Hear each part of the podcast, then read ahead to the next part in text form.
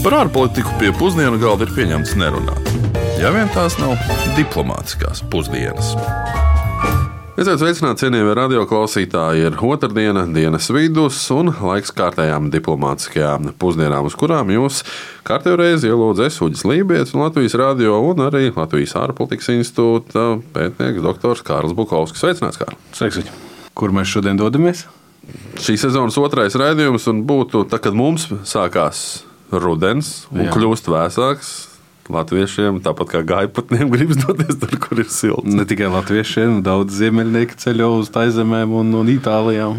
Bet šoreiz mēs dodamies uz Āfriku un dosimies uz Marokas karalisti. Mm -hmm. Nu jā, nu, ja reiz tas turismu saistīts, tad jau noteikti arī šodien parunāsim nedaudz vairāk, kā tad ir ar politisko un ekonomisko situāciju valstī, kurai turisms ir svarīga nozara. Otrs svarīgākais. Valsts, kurā turisms nekad neapstājās, ja vien, ja vien nepienāk tāda laika kā tagad, kad ir iestājies arī Covid pandēmijas dēļ dažādi ierobežojumi. Nu, vai arī iekšējās politiskās nestabilitātes vai teroristu uzbrukumi vai jebkas, kas var radīt nevēlēšanos doties uz konkrēto valsti. Un, starp citu, jā, man vienmēr ir bijusi sajūta, ka visa Ziemeļāfrika ir tieši šāds nevisai stabils reģions, bet vienlaicīgi arī interesants un vilinošs tieši no turisma viedokļa. Tas ir viens no senāk apdzīvotajiem reģioniem pasaulē, un kultūra daudzveidība. Nu, protams, ka tas ir tas vilina un arī tūkstneši un dabas skati un priekš mums nepieredzēti dabas, dabiskie brīnumi un krāšņumi. Un tas, tās ir ļoti daudz lietas, kas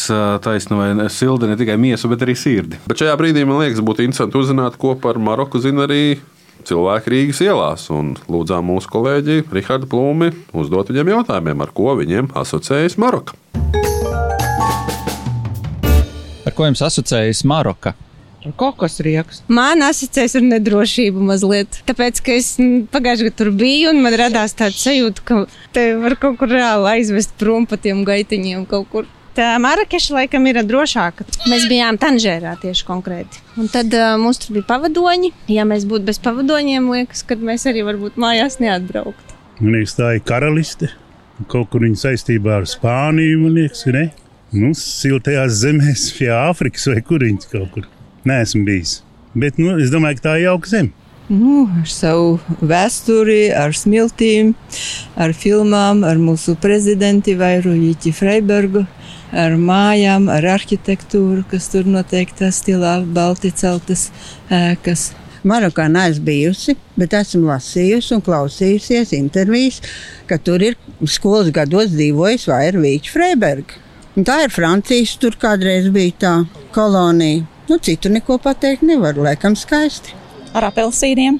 Jā, jā ar apelsīniem.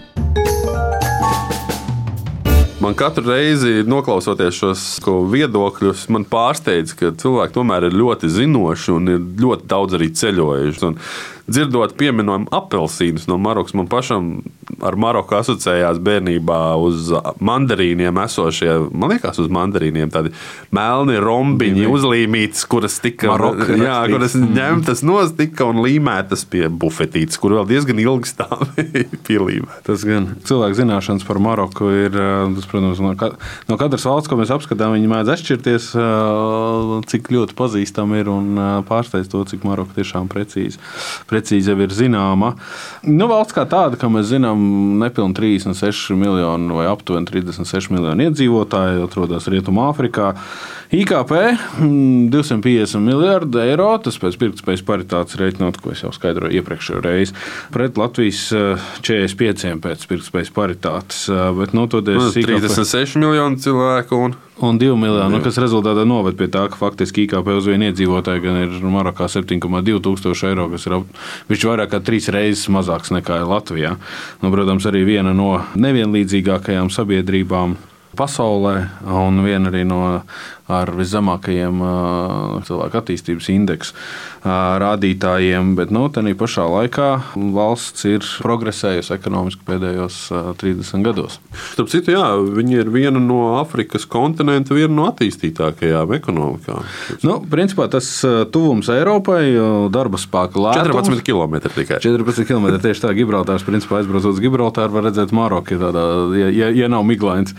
Un, protams, ka šis lētais darba spēks, kas faktiski nozīmē zemes algas un zemes ienākums iedzīvotājiem, nu, viņi ir izveidojuši diezgan daudzveidīgu un atvērtu tirgu, un ekonomikā tāda ir diezgan diversificēta. Jo nu, šī nav viena no naftas un gāzes valstīm, šī gluži pretēji ir viena no attīstītākajām ekonomikām no Ziemeļāfrikas reģiona, ne naftas valstīm. Un um, lielākās industrijas ir lauksaimniecība, kurā gan ir nodarbināta aptuveni 40% valsts iedzīvotāju. Nu, tas gan ir aptuveni uh, veido kopumā, tas gan veido aptuveni 14% tikai no valsts IKP un turisms, protams. Bet nu, ir arī tādā pašā laikā trešais lielākais fosfāta ražotājs pasaulē aiz ASV un Ķīnas.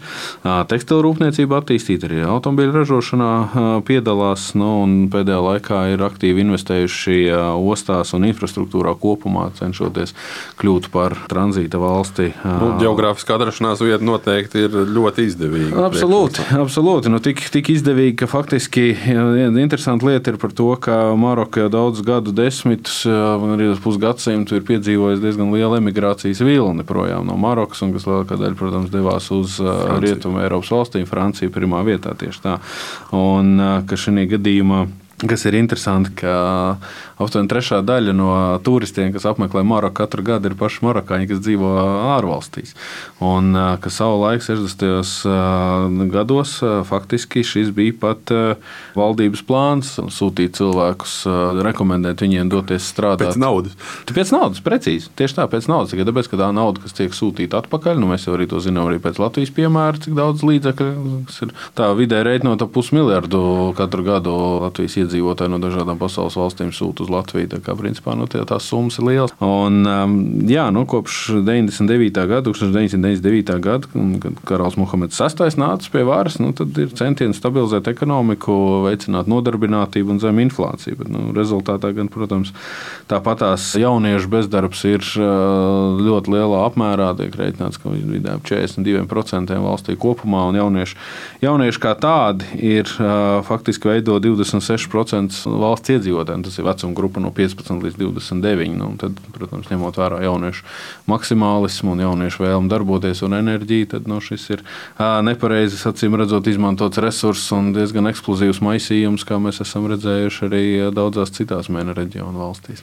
Tu jau ieskicēji tādu diezgan labu šo vietējo ainu un ekonomisko, bet tieši par iepriekš minēto arī turisma industrijas nozīmi gan Marokā, gan arī citās līdzīgās valstīs. Mēs lūdzām komentēt Latvijas Universitātes asociētajam profesoram un Latvijas Nacionālās aizsardzības akadēmijas drošības un strateģiskās pētniecības centra vadošajam pētniekam, doktoram Tomam Rostokam. Lielā mērā paļaujas uz turismu industriju. Viņas ir atkarīgas arī no reģionāliem vai globāliem ekonomiskiem satricinājumiem. Jo bieži vien varētu būt tā, ka nu, pirmā lieta, no kuras cilvēki atsakās ekonomisko grūtību apstākļos, ir ceļošana. Un, protams, ka turisma industrija ir um, vārīga šajā ziņā. Bieži vien turisma industrijai ir arī sezonāls raksturs.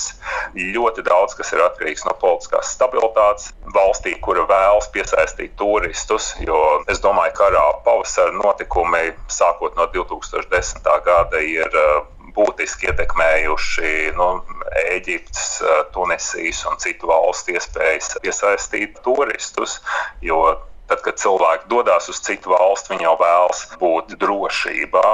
Bet neraugoties uz to, ka turisms ir saistīts ar daudziem un dažādiem riskiem, tur ir arī savas pozitīvās puses. Jo tad, kad uh, cilvēki dodas uz citu valsti, un ja viņa pieredze šajā valstī ir bijusi visnotaļ pozitīva, tad uh, nu, šeit ir tā kontakta hipotēze. Jā, nu, tad uh, šie cilvēki varbūt vēlēsies atgriezties tajā valstī, ja viņiem ir uh, brīvi līdzekļi, viņi varbūt domās par investīcijām šajā valstī, par biznesu uzsākšanu, ja viņiem tik ļoti tas varētu iepatikties, vai arī varbūt pavadīt savus vecumdienas šajā valstī. Nu jā, kā Toms jau arī minēja, tad uh, politiskā stabilitāte, ekonomiskā stabilitāte ir daļa no šo valstu, kas ir ļoti saistīts ar turismu. Svarīgs elements tikai tāpēc, ka ļoti daudziem cilvēkiem ir iztiks avots. Un, principā, protams, ka turisma industrija Marokā ir ļoti būtisks, otrā, otrā lielākā industrija un arī lielākais eh, ārvalstu valūtas uh, avots. Un aptuveni nu, tā, gadā vidēji tika rēķināts, ka ap 10 miljoniem cilvēku, nu, 10 miljoniem turistu, lielākoties Spāņu spāņi, franči un itāļi ierodās Marokā. Un ir bijuši ļoti daudz plānu, kā attīstīt vairākas pilsētas, ne tikai Marakešu un Agadīru, bet arī Kasablanku, protams, slaveno, lai izveidotu par nozīmīgiem turismu centriem. Starp citu, interesants fakts, ka ļoti daudzi turisti brauc uz Maroku slēpot. Nu, tas arī ir. Un, uh, fakts kā tāds arī, ka Eiropas Savienība, protams, nu, no tā ekonomiskā viedokļa raugoties, Eiropas Savienība veido aptuveni 3 ceturdaļas investīciju Marokā, kas ir bijušas tās nākušas tieši no Eiropas Savienības. Tā kā no Tom stāstītais par to, kā atbrauc, paskatās, iepatīkās, nu, tas, tas ir daļa no tā, kā investīcijas arī darbojās. Nu, faktiski jau tuvu Eiropai, un atkal atkārtojam, ka šis tuvums ar Eiropu. Tuvums absolūti, jo nu, tuvums nu, daudzējādā ziņā ir nācis Marokai izdevīgs tikai tāpēc, ka nu, kopš 90. gadiem tā ir bijusi arī nozīmīga tranzīta valstu migrantiem no subsahāras reģiona. Nu, daudz īstenībā arī ir palikuši Marokā dzīvot, bet nu, tur, protams, ar rasismu un ksenofobiju diezgan pamatīgi saskarās. Maroka daudziem ir tikt uzskatīta nelegāliem imigrantiem kā otra labākā opcija, ja nu gadījumā netiek Eiropā. Jā, bija pirms gadiem, tad, kad bija 2015. gads, apmēram, tad, kad bija lielā migrācijas krīze uz Eiropu, bija visai interesants stāsts par um, tieši, man liekas, Maroku. Un, kā mēs zinām, Marokas nu, sanāk, ziemeļu daļa tur ir tāds mm -hmm. neliels anklāvs Seuta, kas pieder Spānijai. Un, tad Marokas daļā tika apmācīti cilvēki pastiprināti peldēšanā. Un mērķis bija ļoti vienkāršs, lai tu tiktu no, no Marokas līdz Seutai pāri robežai. Tev bija jānopeld, tur, attiecīgi, tur bija no 200 līdz metriem līdz puskilometram mm -hmm. vai mhm. kilometram. Tā tad vajadzēja uzzīt peldēt prasmi līdz, lai tu varētu nopeldēt kilometru un faktiski tādā veidā tikt iekšā jau Eiropā. Mm -hmm. Bet, nu, cik es atceros, tad diezgan ātri šo, šo opciju piegrieza varas iestādes. Arī to interesantu laikam tomēr nebija tik daudz. Un, ja jau mēs esam nonākuši pie bēgļiem un uh, arābu pavasara, kā tieši šis periods ietekmēja Maroku? Nu, Maroka šajā gadījumā bija viena no tām valstīm, kuru tā, šis skāra mazāk, ja mēs salīdzinām ar to pašu Lībiju, pilnīgi noteikti arī, arī Eģiptu lielā mērā, Sīriju pilnīgi noteikti, Jemenu. Tad uh, Marokas gadījumā, protams, ka šis neokonservatīvisms vai liberālisms vilnis, kas sekoja, viņš tika atrisināts no mm, karaļa puses uh, veiksmīgāk nekā, nekā varbūt tās citās valstīs tas notikās. Jo no nu, 2011. gada konstitucionālās izmaiņas, kas samazināja vēl karalim uh, papildus varu, vēl joprojām tā, ka viņš ir centrālā un galvenā figūra, politiskā un varas figūra valstī, bet arī pašā laikā šī jaunā konstitūcija, konstitucionālajie grozījumi deva lielākas tiesības arī premjerministram. Valstī jau ir neatkarīga tiesu sistēma, nu, gan ir ar savām problēmām un buksējot pamatīgi, bet nu, tādā pašā laikā tas, tas, tas nemaina līdz būtību valsts. Tāpat tās tiek uzskatīta diezgan stabila. Un kas ir interesanti, droši vien šīs Marokas stabilitāte apliecina arī tas, ka Amerikas Savienotās valstis joprojām uzskata Maroku par vienu no uzticamajiem ne NATO sabiedrotajiem, un iemesls tam ir faktiski vēsturisks. Jā, jā, jā, viņiem pēc klasifikācijas ir tā, ka Maroka ir uh, nozīmīgs ne NATO sabiedrotais priekš ASV. Un, uh, jā, tas vēsturiskais elements, ko tu piemini, vai tu zināji, ka Maroka bija pirmā valsts, kas atzina ASV neatkarību. Pasludināja šajā gadījumā ASV savu neatkarību 1776. gadā, un jau septiņ- 1777. gada 20. decembrī uh, Maroka viņa atzina kā neatkarīgu valsti. Jā, nu, salīdzinājumā kaimiņu valsts Kanāda tikai 1927. Nu, tur gan laikam ir arī pašas Kanādas ne- ne- neatkarības un suverenitātes jautājums, ko mēs jau apskatījām. Lai cik būtu paēdis, vienmēr ir vieta arī desertam. Un, kas, mums, kas mums šodien desertā? Sāksim ar kaut ko intelektuālu vai ēdamu. Dzeramu varbūt es pašlaik gan malkoju kafiju, bet Marokā populārākais dzēriens ir zaļās un piparmētru teijas maisījums. Kuros vēl piemet iekšā ledus kubiņus, un tad dabūjām magrebas piparmētru tēju. Jā, bet uh, droši vien tev, kā uh, akadēmiskās vidas pārstāvim, noteikti ir tas intelektuālā pārtika, ir tuvāks. Ir. Intelektuālā pārtika pilnīgi noteikti, jo, protams, ka mani, mani sajūsmināja fakts, ka Marokā atrodas visvecākā vēl joprojām darbojošās universitāte, kur tika dibināta 859. gadā, atrodas Fezā, saucās Alkaravīnas universitāte.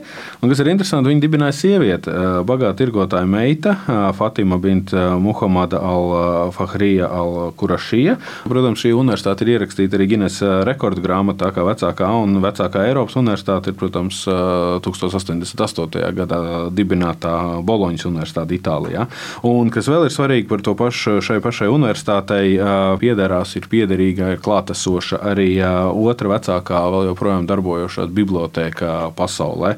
Un pēc intelektuāla deserta noteikti prasās arī kāds deserts tīri fiziskajam ķermenim. Un, droši vien kādā no marokāņu mājsaimniecībām visticamāk jūs tiktu cienāts ar Marokas nacionālo ēdienu, kas ir kuskus. Kopumā barojošs, lēts, viegli pagatavojams no kviešiem vai citas labības.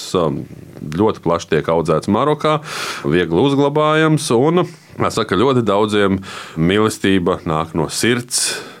Tā kādreiz mēdz jokot, ka vīriešiem nāk no iekšām, bet uh, runājot tieši par Maroku, starp citu, Marokā galvenais mīlestības centrālais orgāns netiek uzskatīts viens sirds, bet gan aknas. Tā tad mīlestība nāk no aknām. Bet ā, uz šo mēs laikam arī noslēdzam šodienas raidījumu. Un, Jā, un nākošā nedēļā dosimies pavisam uz citu reģionu. Nu jā, mēs Āzijā neesam kādu laiku bijuši, dosimies uz Vietnamu. Tā kā mums ā, bija klausītāji, kas ā, vēlējās šo valsti dzirdēt, un lai viņi tiktu apskatīti, tad mēs arī dosimies uz Vietnamu.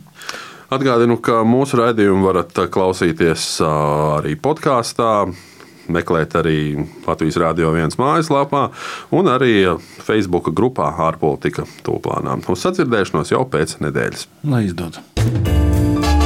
Diplomātiskās pusdienas katru otrdienu pusdienos Latvijas Rādio 1.